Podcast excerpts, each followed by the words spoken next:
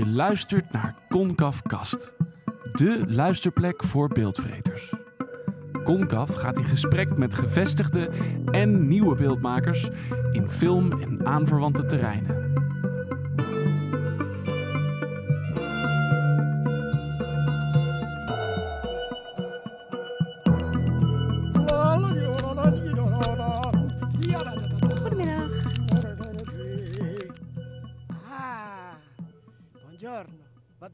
Zijn, mevrouw?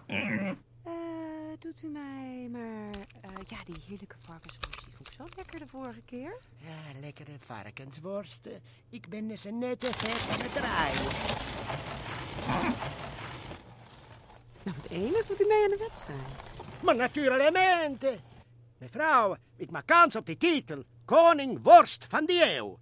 Ik ben alleen nog op zoek naar die beste varkensvlees. U heeft zojuist iets heel bijzonders gehoord. Een fragment uit wat de allereerste Nederlandse stop-motion film op speelfilmlengte moet worden. Stop-motion, u weet wel, de prachtige tijdloze techniek waarbij poppen beeldje voor beeldje geanimeerd worden, zodat die stapjes in de uiteindelijke film tot vloeiende bewegingen transformeren. De Arnhemse filmmaker Masha Halberstad maakte op die manier al verschillende prachtige kortfilms, zoals Dag meneer de Vries over de laatste winterdag van het schaatsgekke titelpersonage en het ontroerende Munja in mei over een jong meisje dat gepest en verwaarloosd wordt, maar al rappend haar eigen identiteit vindt. En nu komt de wraak van Knor eraan, een avondvullende bewerking van de gelijknamige jeugdroman van Tosca Mente, waarin het meisje Babs ervoor moet zorgen dat haar varkentje Knor niet tot worst wordt vermalen. Toch niet. Knor! Hij heeft Knor gevangen! Masha Halberstad maakte de film in animatiestudio Holy Motion, die ze vorig jaar oprichtte met haar vaste producent Marleen Slot. De studio werd betrokken in maart, op de dag dat premier Rutte zijn eerste corona-persconferentie gaf. Maar Halberstad en Slot lieten zich niet door corona uit het veld slaan. Eerst werd begonnen met het maken van de sets en de poppenpersonages van de wraak van Knor, zodat een drietal maanden later de animatieopname voorzichtig van start konden gaan. Holy Motion ligt niet zoals je misschien zou verwachten in Amsterdam of Rotterdam, maar aan de rand van het centrum van Arnhem in een volledig tot animatie-oase omgebouwde garage. Holy Motion moet de komende jaren uitgroeien tot een bolwerk van de Nederlandse stop-motion-industrie en een begrip worden in binnen- en buitenland. Bravoure kan Halberstad en Slot zeker niet worden ontzegd, en als je ziet wat ze maken, geef je ze gelijk ook. Ik ging langs bij Holy Motion en sprak niet alleen uitvoerig met Masje Halberstad en Marleen Slot, maar ook met animatoren Quentin Haberham en Jasper Kuipers. Ten slotte schoof ik tijdens de lunch aan bij Director of Photography en steunpilaar Peter Mansveld. Ik leerde allerlei dingen die ik nog niet wist over de kunst van het stop-motion animeren. En natuurlijk vergaapte ik me aan de prachtige decors die stuk voor stuk getuigen van Halberstads liefdevolle ambachtelijkheid. Complete dorpen en weilanden, straten en huizen die weliswaar op enkele vierkante meters passen en toch meteen een complete wereld oproepen. Poppen vol karakter die eigenlijk al een beetje leven voordat ze überhaupt geanimeerd worden. Grasvelden die je bijna kunt ruiken, zo fris van kleur zijn ze. Alles regisseur Masha Halberstad nog niet helemaal overtuigd van de kwaliteit van het animatiegras. Nou ja, want het gras moet wel gras lijken, maar het moet niet bewegen. Kijk, dit is eigenlijk helemaal niet goed gras. Hoor je het? Want als de animator eraan zit, dan gaat het gras natuurlijk bewegen. Dus wij hebben, moesten, we hebben vlies gebruikt, maar op een gegeven moment was de vlies uit de handel. Dus toen moesten we andere stof zien te vinden. En dat wordt verhard met paverpol. Een paverpol is een soort textielverharder. Gemengd met verf hebben we dat dan gedaan. Ehm, Zodat niet meer als, als een volgend beeldje wordt opgenomen het gras anders zit. ja. ja, dat is heel belangrijk. Want anders gaat de magie verdwijnt dan. Als, als alles gaat bewegen, dan snap je van, oh ja, dan wordt het ook heel onrustig, het beeld natuurlijk. Stop motion, het beeld voor beeld animeren van poppen en decors, is een van de oudste animatiefilmtechnieken. De Britse Aardman Studio is er groot mee geworden. Tegenwoordig worden stop-motion films vaak nog uitgebreid digitaal nabewerkt. Filmmakers kunnen oneffenheden in de beelden en onbedoelde details met de computer wegpoetsen, texturen gladder maken, bewegingen vloeiender. Dat is niet de aanpak van Holy Motion. Integendeel. Terwijl Masha Halberstad en Marleen Slot het belangrijk vinden dat je als kijker op een gegeven moment vergeet dat je naar animatie zit te kijken, willen ze niet verdoezelen dat het hier om handwerk en fysiek geanimeerde beelden gaat. Wat vinden ze zo mooi aan het analoge, haast tastbare karakter van hun animatiewerk? Ja, ik, ik hou er gewoon heel erg van dat je gewoon ziet wat het is. En dat daar niet verder aan gerommeld is op, op de een of andere manier. Dat heeft ook het meeste ehm, charme. En het is eigenlijk ook een beetje hoe ik zelf ben. Misschien, eh, eh, ja, ik, ik hou, hou er ook niet van als persoon om, eh, om me anders voor te... Ja, nou ja, het klinkt een beetje overdreven, want... maar het is meer gewoon dat ik denk van... ehm, ik, ja, ik vind het gewoon heel mooi dat, je laat, dat iemand dan kan vragen... Hè, hoe heb je dat gedaan? Of, weet je nog, vroeger had je toen de, eerste... De tweede Terminator film. Weet je die nog? Met die, met die rare, eh, die kwikman. Eh, Dat was toen in de computer gedaan, weet je. En toen was iedereen, oh, in de computer, niemand snapte. Maar als je verder terugkijkt, de oude Star Wars films of waar ze die dingen gemaakt hebben. Dat je echt denkt, hé, hoe hebben ze, nu je in het computertijdperk zit, kan je bijna niet meer voorstellen dat vroeger alles analoog gewoon gebeurde, snap je? Bij Dag meneer de Vries al, daar had het heel makkelijk geweest als we daar de sneeuw gewoon achteraf hadden toegevoegd. Maar Masja had gewoon een heel systeem bedacht waarbij een gaasrol de hele tijd door het beeld kwam waar allemaal watjes op geplakt waren. Waardoor je hele mooie stop-motion sneeuw, ja, dat, daar houden wij van, toch? Dat, Ja. eh, En wat ik daarbij heel mooi vond, was dat je de sneeuw dus echt van het ene raam naar het andere ziet door, doorvliegen. Ja, nou en het mooie daarvan was ook...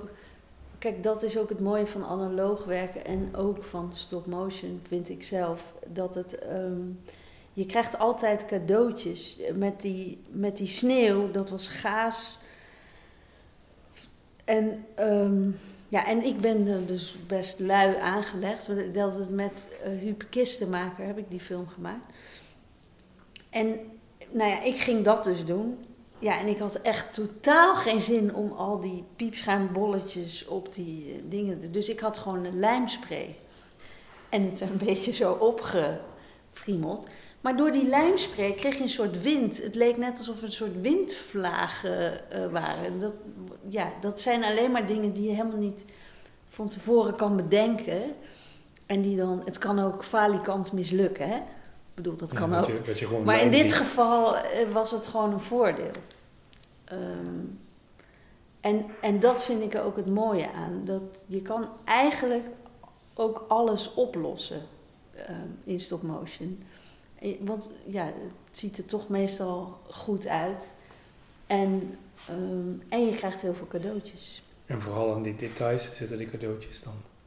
Ja, in de details, maar in nog wel veel meer dingen. ehm, ja, in de vondsten die je doet over welke dingen je kan gebruiken om iets, ja, iets te laten zijn. Nou, en we zitten daarmee ook heel dicht bij een, eigenlijk een live-action benadering van filmmaker. En dat is toch wel hoe, als ik Masha zou moeten te- typeren, vind ik wel dat zij daar een heel. Dat, dat is echt wel wat jij doet. Jij maakt gewoon eh, live-action, maar dan is stop motion. Ja. Want hoe, hoe bedoel je dat? Nou, dat, dat is bijvoorbeeld ook zo'n film als The Fantastic Mr. Fox doet dat ook. Die, die benadert het gewoon. Dat i- Wes Anderson is natuurlijk ook een live-action filmmaker in, in de basis. En dat, dat, dat zie je gewoon hoe hij die film maakt. Dat hij die poppen als personages behandelt. En dat vind ik ook dat Masha dat doet. Dat zie je in Moonja bijvoorbeeld heel goed. Waar je echt emotie voelt voor een pop. Hè? En waar je echt met dat meisje meeleeft. Direct. Ja. Ja, en ook, dus ook de relatie tussen de personages en de camera bijvoorbeeld ook. ja. Want het viel mij inderdaad ook op dat hoe, hoe, hoe jouw films eh gecadreerd zijn en geschoten, dat zijn echt shots zoals je dat in een live-action film ziet. Ja, eigenlijk wil ik zorgen de, of proberen dat je als kijker vrij snel het gevoel verliest dat je naar een animatie zit te kijken, maar gewoon naar een film. Hm. En, ehm, en als dat lukt, want bijvoorbeeld in Knor zit ook, er zit bijvoorbeeld een eetscène in. Het is best wel klein en heel, ja, eigenlijk, ja, je zou het in een live-action film doen. Maar in een animatie denk ik, ja, waarom, waarom zou je zo'n scène doen? Maar dat ogenschijnlijke vanzelfsprekende, dat contrast, dat vind ik heel mooi. Want het is niet vanzelfsprekend. Niks is vanzelfsprekend in stop motion. Maar als je het zo kan laten lijken, dan krijg je iets heel speciaals. Wat gebeurt er in die scène dan? Nou, niks. Ze eten en ze hebben een gesprek. Maar En ze zijn ondertussen aan het in. eten en er zitten wat, wat grapjes in. Maar het is, het is heel klein. En eh, ehm, ja, eigenlijk mijn benadering is ook vaak... beetje, ik ga uit van de personages, niet per se van eh, de actie of dat er ehm, hele eh, heftige camerabewegingen of wat dan ook in moet zitten. Het gaat mij echt veel meer om ja, de interactie tussen de personages en het verhaal. Marcia Halberstad mag zichzelf dan wel een lui persoon noemen. Ze geniet van alle facetten van haar beroep. En dat terwijl ze aanvankelijk helemaal geen animatieloopbaan ambieerde. Ze volgde een vrije kunstopleiding aan de Arnhemse Kunstacademie Artes, maar ze voelde zich daar al snel een vreemde eend in de bijt. In diezelfde tijd zag ze het stop-motion werk van academiegenoot Erik van Schaik, die later een gouden kalf zou winnen met zijn korte animatiefilm Under the Apple Tree. En toen ik dat zag, dacht ik van wow, dat wil ik ook. Maar dat kon helemaal niet, want vrije kunstmensen mochten daar niet komen. Dus ik heb echt, echt moeten vechten en pushen. En, ja, en toen had ik me- samen met Ronald Schinkelshoek heb ik toen een film gemaakt, De Smaak van Worm. Die heb ik zelfs nooit gezien. Nee, ik kom er zo aan. En die heeft dus, ehm, ja, die werd ook meteen bij de VPRO uitgezonden. Ik zat toen in het tweede jaar. En toen dacht ik, nou ja, dit is het, want hier komt alles samen. Alles wat ik leuk vind, komt hier samen. Dus zo is het eigenlijk. Het is allemaal toeval. Voor hetzelfde geld was je nu anders een beeldhouwer geweest. Ja, dat denk ik niet.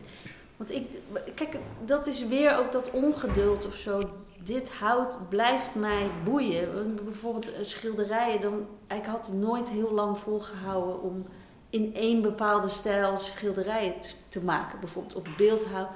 Dan was ik ook alle kanten opgeschoten. Maar op de een of andere manier kan ik het hier comprimeren of zo. En werkt het dan? Dus nee.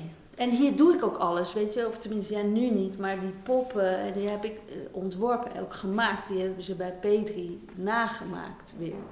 En die hele wereld creëren, dat, dat komt uit mijn brein, zeg maar. Dus dat, dat vind ik er ook leuk aan. Dat het heel veel aspecten zijn. Dus je, niet alleen het... ehm, eh, het regisseren, maar ook gewoon het bedenken en het monteren, de camera neerzetten, al die aspecten vind ik leuk. Masha Halberstad en Marleen Slot werken al jaren samen. Ze leerden elkaar kennen toen Halberstad de animaties verzorgde voor Patatje Oorlog, de prachtige jeugdfilm van Nicole van Kilsdonk, die door Slot werd geproduceerd. Sindsdien vormen ze een steeds hechter team, waarbij Halberstad lange tijd werkte in haar eigen huis in de Arnhemse wijk Angerenstein. Krap, maar het ging. Voor een lange speelfilm als De Vraag van Knor bleek dat huis dan toch eindelijk te klein. Halberstad en Slot gingen op zoek naar een geschikte studiolocatie en vonden die in een oude garage op enkele honderden meters afstand van Halberstads woning. Toen de studio vorig jaar maart openging, moesten de decors en de poppen van de wraak van Knor nog worden gebouwd. En toen dat allemaal af was, gaven Halberstad en Marleen Slot zichzelf en de animatoren een dik jaar voor het voltooien van die animaties. Om alles in goede banen te leiden, hanteerde Slot in het pand een overzichtelijk en werkzaam lijstje coronamaatregelen. Maar het virus maakte evenwel het allemaal niet makkelijker. Soms liepen de opnamen vertraging op als animatoren zich ziek moesten melden vanwege verkoudheidsverschijnselen. En de uitval van een enkele animator kan in zo'n kleine studio de boel al snel stilleggen. Inmiddels zijn we bijna anderhalf jaar verder. De wraak van Knor ligt op schema en Halberstad en Slot hebben de draai van het studiomanager behoorlijk goed gevonden. Als ik op bezoek kom bij Holy Motion, proberen ze uit te leggen hoe het productieproces van zo'n stop-motion speelfilm verloopt. Eerst wordt er een scenario geschreven, in dit geval door Fiona van Heemstra. Op basis daarvan worden de stemmen van de personages ingesproken door de stemacteurs. Aan de vraag van Knor doen onder meer Kees Prins en Loes Luca mee. Vervolgens wordt er een bewegend storyboard gemaakt, een soort ruwe, bewegende striptekening, zeg maar, die ongeveer laat zien wat er in het beeld gebeurt terwijl de stemmen zeggen wat ze zeggen. Op dat moment kunnen scènes die niet lekker lopen nog worden herschreven, opnieuw ingesproken en opnieuw worden bewerkt tot animatic, zo'n bewegend storyboard. En zo werd er nog flink gesleuteld aan de finale van de wraak van Knor, die aanvankelijk niet de schwung en impact had die Halberstad voor ogen stond. En pas als dat allemaal rond is, dan kan je overgaan op animatie. Dus als je helemaal zeker weet, dit is de basis die de film moet hebben. Dat is al je hele regie, zit daar gewoon in. Um, want je, maakt ook keuzes voor hoe je camera staat, weet je. Het is, en die animatic is ook heel belangrijk, want uiteindelijk is dat ook de basis voor je breakdown, voor hoe alle scènes in stukjes geknipt gaan worden, hoe die planning dus gevormd gaat worden. En dat is dus weer de basis voor je begroting. Dus het is voor ons allebei de belangrijkste tool eigenlijk. Uh, en bij de korte films deden we het dus nooit. Dat is ook wel heel grappig, want die, nou ja... Nee, bij Monja heb ik het niet gedaan. Bij Monja hebben we het ook niet gedaan. Bij, bij Hummy zijn we ermee uh, gestart, op een soort kleiner niveau. Hadden we in ieder geval een storyboard, want dat hadden we dus ook nooit. Maar dat was toen, toen werkten we ook nog maar met één of hooguit twee animatoren. En dat... Ja, en dat deed ik alles zelf. En deed Masha gewoon heel veel zelf. En deed ze ook allemaal nog in haar huis, gewoon uh, in de voorkamer en in het achterhuisje. En uh, ja, we, we, hadden ook altijd zoiets, ja, zo'n animatic. Maar nu zweren we erbij. Nu is het echt, uh, ja. het is echt onze leidraad. En vervolgens zijn daar die poppen. In hoeverre zijn die dan nog de acteur? Nou, heel erg. Dat, maar nou, dat is ook nieuw in deze film.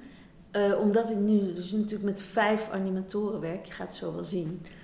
Um, en dus soms ook op vijf plekken, want ze hebben ook vaak de neiging om tegelijk klaar te zijn met een shot. Uh, dat ik dan echt denk, oh. en dan, um, uh, maar om dus tijd te sparen, maar eigenlijk levert dat nu ook hele mooie dingen op. Zijn we dus, maar dat gebeurt dus natuurlijk al lang in animatiespeelfilms, alleen ik had dat fenomeen nog niet ontdekt. Dat zijn dus referentiefilms maken. Dus um, wij gaan dan of ik of een animator. Nou, nu zijn bijvoorbeeld bepaalde animatoren kunnen bepaalde personages goed spelen. Dus die playbacken het geluid wat er op dat moment is en ook de beweging. Waardoor je dus weer die pop nog meer een karakter, want daarna animeren ze het na, zeg maar. Ze hebben dat, het is een beetje moeilijk uit te leggen. Ja, dat nou, ze maken met een, nee, nee, dat snap ik, ik, ik ga het proberen. Met een Masha en de animator staan tegenover elkaar en met een iPhone maken ze een filmpje, spelen ze een scène na. En dat is dan de referentie, zodat je die bewegingen van echte mensen ook aan die poppen kan geven. En dat je dus zo, als je een ruziescène, dat je die bewegingen uh, heel echt maakt. Ja. Ik denk dat dat... Uh, dat nu, is, nu snap ik het wel. Dankjewel Marleen. Ja, dat is de rol van de producent. ja, alles een beetje, een beetje... Heel goed, ja, ja. Beelddenker, beelddenker. Na deze uitleg nemen Halberstad en Slot me mee op een tour door hun domein. Op verschillende plekken, afgeschermd door dikke zwarte gordijnen, zitten animatoren uren of zelfs dagenlang te priegelen aan enkele shots en scènes. Zo tref ik Jasper Kuipers, die in de weer is met een scène waar hoofdpersonage Babs en een vriendje op een schommel zitten. Ze voeren een serieus gesprek dat op een gegeven moment wordt onderbroken door een voorbijrennende kleuter. De scène eindigt met een chaotische, maar door Kuipers heel precies geanimeerde schermutseling. Misschien moet je het dan juist niet vertellen. En dan, dan ga je het zelf trainen. Knop! nou, zo zie ik dat dus uh, duizend keer van dag. En die handbewegingen van het jongetje, als hij zegt sorry, moet je dus niet vertellen. Ja. Wie, uh, wie, wie heeft dat bedacht, die handbeweging? Ik. Ja. Ja. ja. Ik beeld me die scène in en ik acteer het zelf uit voor de camera. En dan zie ik zelf ook wat ik niet wil, uh, vooral. En, da en dan kan je schaven en dat gaat vrij snel. Uh, ik, bedoel, ik neem gewoon, ik zet gewoon die audio op loop en ik neem het gewoon 30 keer op of zo. En dan En dan ga ik daaruit uit een soort van grasduinen van oké, ik vind dit bewegingje mooi, dit bewegingje mooi. En dan stel ik daar uiteindelijk een soort ideaal uh, acteerwerk uit samen. Dat is natuurlijk leuk dat je, ja, dat je, dat je die controle hebt als je dat Ja. ja. En dat je je dan dus zo in zo'n donker hol kunt opsluiten. De hele tijd terwijl je dat, dat is niet per se leuk hoor. Nee, vind je niet? Nee, nee. nee, ik sta liever buiten in de wind en de oh, zon en de regen. Maar dat, dan kan je niet animeren. Nee. Dus het is of of. Uh, ja, het voordeel, ik zei dat het klinkt heel stom dit, maar er zit, er zit dus wel een verschil voor mij in werken in een interieurset of een exterieurset zoals dit. Want dit voelt alsof de zon schijnt. ja. Terwijl ik zat ook maandenlang hier in een uh, donkere schuur te animeren. En dat voelt dan dus ook heel donker. Ja. Dan kan me wel voorstellen dat je je ook moet inleven in dat zij buiten zitten. En dat dat buiten op de een manier op jouw uh, gemoed werkt, inwerkt. ja. Ja, ja en ik hoorde de, de, vogeltjes in de, in de audiotrack waar ik natuurlijk op werk. Het is dus wel waar dat je een stuk vrolijker bent, inderdaad, dan toen je op de set van Boer Jan zat. Uh. ja, maar toen moest ik me inleven in opa. En ja, had natuurlijk zijn zijn uh, kwade, evil moment daar. Ja, het zit hem ook in de stem. Dus het zit hem in die zin, als de stemmen goed zijn, geeft het de animator heel veel meer, denk ik. Ja, en, dat, eh, dat, want we hebben het nu wel de hele tijd over dat ik een soort van acteerwerk doe, maar dat is wel een soort uh, team met de stem. Ja. Um, dus ik ga echt verder op wat ik uit die stem haal. En uh, in, in die zin is het wel een soort teamwerk, zeg maar. Ik ben het niet in mijn eentje aan het verzinnen, want er is natuurlijk al een soort eerste slag overheen gegaan met een stemacteur die daar zijn eigen interpretatie ja. aan gegeven heeft. In de donkere ruimte naast Kuipers zit Quentin Haberham te werken, gebogen over een heel charmante dorpstraat die aan het einde van de meterslange en brede set in het niets oplost. Achter de set is een scherm met een grote zomerse wolkenhemel opgehangen. Als ik dit alles zie, kan ik me prima inbeelden dat Babs en haar opa daar zojuist om de hoek zijn komen fietsen. Nu is Haberham op de voorgrond van het shot met hen bezig. En intussen vertelt Masha Halberstad wat we hier eigenlijk zien. Je ziet dus opa en Babs op een bakfiets met knor in de hand. En die fiets is dus vastgemaakt op een plank en op die plank ook de camera. Kijk maar naar het shot. Dus hij maakt de camerabeweging eigenlijk door de plank te verschuiven. Het is een shot van 15 seconden. Ja, 16. 16 seconden. En omdat die plank uh, wat uh, oneffenheden heeft, terwijl die voortschuift door de, door de straat heen, krijg je ook wat oneffenheden in uh, de, de bakfiets die we zien, die op de plank staat. En de camera die zit vast aan de bakfiets eigenlijk. En daardoor lijkt het alsof die bakfiets zo een beetje heen en weer, um, hoe noem je dat? Kantelt. Kantelt. En het, is eigenlijk perfect voor de, de, de imperfectie van, die, van, het, van de bewegingen van die bakfiets. En heb, je die, heb je dat gewankel van tevoren bedacht of is dat gewoon wat er gebeurt? Uh, nou, in dit geval is dit, uh, het gewankel van die plank is niet per se van tevoren bedacht, omdat het gewoon gebeurt uh, terwijl het voortschuift. Maar als ik zie dat het te veel de verkeerde kant op beweegt, dan hou ik het wel onder controle. Dus het is een soort van gecontroleerde chaos, maar alleen voor de bakfiets. Natuurlijk zijn de karakters zijn wel helemaal gecontroleerd, want die moeten gewoon uh, emotioneren, laten we zeggen. Je moet gewoon acteren. En waarom heb je een lucifer in je hand? Uh, dit is een, uh, hoe heet het? Satéprikker. Een satéprikker. En oh, is, is dan om de ogen te, te, te, richten. Dus in de ogen zit een klein gaatje. En met een satéprikker kan ik dan de richting van hun ogen veranderen. Gewoon dat er met satéprikkers gebeurde. Ja. Ja. Zeg het je na. Dat is uh, bezuinigingen. Ja. nee hoor, dat is een grapje. Want normaal gesproken heb je speciaal voor animatie ontwikkeld nee, daar hebben hele dure tools voor. Maar ja. Wij doen hier alles met satéprikkers. ja. uh, dit is ook heel cool. Deze had ik ook nog niet gezien. Oh, wat mooi. Ja. Oh, een tractor. Ja, die tractor, die, die van, er zit zeg maar in de film een hele achtervolging met landbouwmachines. En we zijn nu close-ups aan het maken. Um, maar zo'n zo'n tractor rijdt zogenaamd over een landweg, natuurlijk, of een weiland, en dat hobbelt. En normaal zou dan de animator die hele tractor met wichtjes eronder om zeg maar dat hobbelen te kunnen eh, nabootsen. En Peter heeft dus een apparaat gemaakt wat dus op al die manieren kan hobbelen. En dat kan je dus in de computer helemaal instellen, die bewegingen. En dan hobbelt hij dus al uit zichzelf, zodat die animator zich puur op de personages kan focussen. Ehm, Fantastisch. ja, het is echt fantastisch. Dus we zien hier nou een soort ehm, ja, houten blok en daarop is dan een plateau geschroefd. Ja, En op dat plateau staat dan dus die tractor met de opa en, en dat is dan Babs, denk ik? ja, Babs. Opa en Knor. Babs en Knor en die eh, Knor die balanceert boven een gehakt molen. Ja. Op de tractor. Op de tractor, terwijl ze rijden. Terwijl ze rijden. En dan hangt er daarachter aan een andere hengel, hengsel voor een andere camera dat jongetje te bungelen. Ja, Met zijn rugzakje om. Ja, ja, en Ik heb echt geen flauw idee wat hier allemaal gebeurt. Nee. nee, het is dit heel wordt het hele spectaculaire einde van de film is dit. Ja. Ja. Het is echt eh, wel... we- Dat was ook dat einde wat we al eerder zeiden, waar we wel mee aan het worstelen waren. Nou, dat einde is nu echt fantastisch. Want Ja. het is gewoon een heel dynamisch einde. Ja. En die mooie landbouwvoertuigen heeft Peter dus ook allemaal gemaakt. Die heeft al die grote bewegende... We hebben ook een aardappelrooimachine en echt allemaal fantastisch. En soms dus ook nog dingen op schaal. Zodat de sets... Wat we heel veel doen is dat we heel veel werken met schaal. Zodat je die sets niet nog weer groter moet maken. Maar deze trekker hebben we ook een- in een maatje kleiner. 1 op 16. Ja. Ja. Dus, ehm, eh, ja, maar zonder Peter, Peter Mansveld is dat, die is dus hier DOP, maar ook rigger. En heeft dus die, al die ingewikkelde props ook gemaakt. En hij heeft eigenlijk die hele studio setup ook gedaan. Wat, wat doet hij eigenlijk niet? Peter Mansveld is een oude rot in de Nederlandse animatiewereld.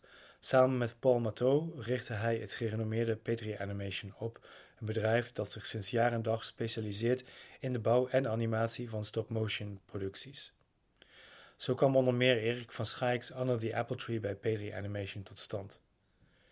Op een gegeven moment begon Mansveld te merken dat hij te veel bezig was met het managen van het bedrijf en het financieren van producties. Hij wilde weer vooral met het scheppende aspect van het werk bezig zijn en verkocht de studio aan zijn compagnon. Eindelijk had hij weer tijd om, zoals hij het zelf verwoordt, weer lekker creatief met de handen aan het werk te zijn. En dus ook voor Holy Motion. Tijdens het uitgebreide middagmaal dat Holy Motion mensen stevast voor elkaar bereiden, vraag ik Mansveld hoe een typische werkdag bij Holy Motion er voor hem uitziet. Ehm, over het algemeen ben ik een van de eerste altijd die binnenkomt. En eh, ik start eigenlijk eh, alles op. Alle computers worden opgestart. Ik kijk ook eh, of alle animators aan de gang kunnen, zeg maar. Dus de, de setups staan. En als er nog dingen geprepareerd moeten worden, dan begin ik daar als eerste aan. Ehm, en dan meestal als tweede komt Masha binnengelopen. En die gaat mij daar help, bij helpen. En zodra de animators aan de gang zijn, ga ik eigenlijk de volgende shots al voorbereiden. Kijken wat er nodig is. Kijken hoe poppen bevestigd moeten worden. ehm, of eh, poppetjes op fietsen moeten komen. ehm, ja, gewoon vooruitdenken van wat wordt de, de volgende setup. En ook in de gaten houden nog dat het ook nog chronologisch klopt in je verhaal. Dus dat eh, kijkrichtingen van poppen goed zijn. eh, dat je dus niet over de camera's heen gaat. Ja, het zijn stukken continuïteit moet je in de gaten houden. En ook of shots überhaupt wel op te nemen zijn. Want soms loop je gewoon tegen limieten aan waarvan je denkt van ja, dat is wel leuk getekend met een paar tekeningen in een storyboard. Ja. Maar fysiek in de praktijk gaat dat gewoon niet. Want dan moet bij wijze van spreken een pop in eh, een paar beelden opeens aan de andere kant van de kamer staan. Ja, dat, dus dat, eh, ja, dat, daar probeer je dan oplossingen voor te denken. En Masha is daar gelukkig ook eh, heel erg flexibel in om daarin mee te denken. En ja, gewoon te kijken hoe kunnen we dat dan anders aanpakken. Dus dat, eh, Dat lukt dan wel bijna altijd. ja. Lukt ja. altijd. Altijd. Ja, en dat, eh, en dat maakt het ook leuk gewoon. Omdat ja, geen dag is eigenlijk hetzelfde. Het lijkt heel veel op elkaar, maar toch is iedere dag weer een uitdaging. Maar het is wel heel, heel erg leuk om gewoon eigenlijk het stripverhaal wat in de computer staat, om dat shot voor shot ingevuld te zien worden. En op een gegeven moment valt het gewoon als een echt een bewegend verhaal in elkaar. Dus dat, en dan zie je ook pas echt de, de dynamiek van zo'n film ontstaan. Ja, precies. Ja. En want ja, je kunt natuurlijk wel van plek naar plek lopen de hele tijd en dat dan in je hoofd allemaal in elkaar zetten. Maar het is iets anders dan wanneer je gewoon in je stoel gaat zitten en dan gebeurt het. Ja, ja totaal anders. Terwijl ook Masha Halberstad eindelijk toekomt aan haar welverdiende lunch, praat ik nog even na met haar producer. Marleen Slot, de drijvende kracht achter productiebedrijf Viking Film, reist wekelijks vanuit standplaats Amsterdam naar Arnhem om Halberstad in het Holy Motion werk terzijde te staan. Daarnaast blijft ze ook volop live-action films produceren voor jong talent als Sven Bresser en gevestigde cineasten als Sascha Polak, met wie ze het veelbekroonde drama Dirty God maakte. Als ik bij Holy Motion ben, beginnen bijna de opnames van Polaks nieuwe, deels in Londen gesitueerde film. Niet niks, zo'n over de grenzen reikende productie, zeker niet in tijden van post-corona. Denkt Slot er wel eens over na om uitsluitend animatiefilms te gaan produceren? Nou, misschien wel, ja. ja. En dat komt dan wel echt door de, de zwaarte van het vak, van het producentenvak. Omdat, uh, nou, zo'n coronajaar, dat, dat gaat niet in je koude kleren zitten. Hoe, want dat zijn natuurlijk ook allemaal problemen die toch weer op het bordje van de producent erbij komen. Hè? Ja. En, en, en, dat je heel veel extra geld, maar ook alle productionele zaken eromheen. De spanning. Ik ga nu met Sascha draaien over uh, vier weken in Londen weer. Ja, ik ben gewoon nu al bang als we een coronageval op de set zouden krijgen, wat het dan betekent. Maar je kan dat dus niet van tevoren bedenken of invullen. En hier weet je van, nou ja, als we een coronageval op de set krijgen, dan moeten we één of twee weken dicht. En dan plakken we dat aan het einde er weer aan. Maar je hoeft niet op zoek naar nieuwe locaties of nieuwe. Dus, die, dus die spanning en, de, ja, en dat het zo je leven incijpelt, ja. vind ik soms wel, uh, wel pittig. Ja, maar nee, laten, maar dit is heel leuk. Dit is, uh, en ik vind ook live action produceren heel leuk. Want ik denk dat ik ook die spanning misschien wel zou missen. Dus ik weet het niet. Nee, maar ik ook... vind het heel fijn om het allebei te kunnen doen. Ik ben benieuwd hoe dat dan verder gaat allemaal. Wat hierover, um, wat hier over tien jaar staat. Ja. Wie weet. Ja, wie weet. Misschien, Misschien hebben jullie dan nog twee panden erbij. Nou, daar denken we wel over na. Ja. Kijk, je zou natuurlijk ook heel goed, wat we net vertelden, dat, um, dat Masha, hè, dat de regie heel erg in die animatic zit. Dus je zou ook wel op zoek kunnen gaan naar een animatieregisseur die dan dit stukje doet, waardoor we nog meer zouden kunnen maken. Dat, uh, dus daar, over dat soort dingen denken we wel na. Ja.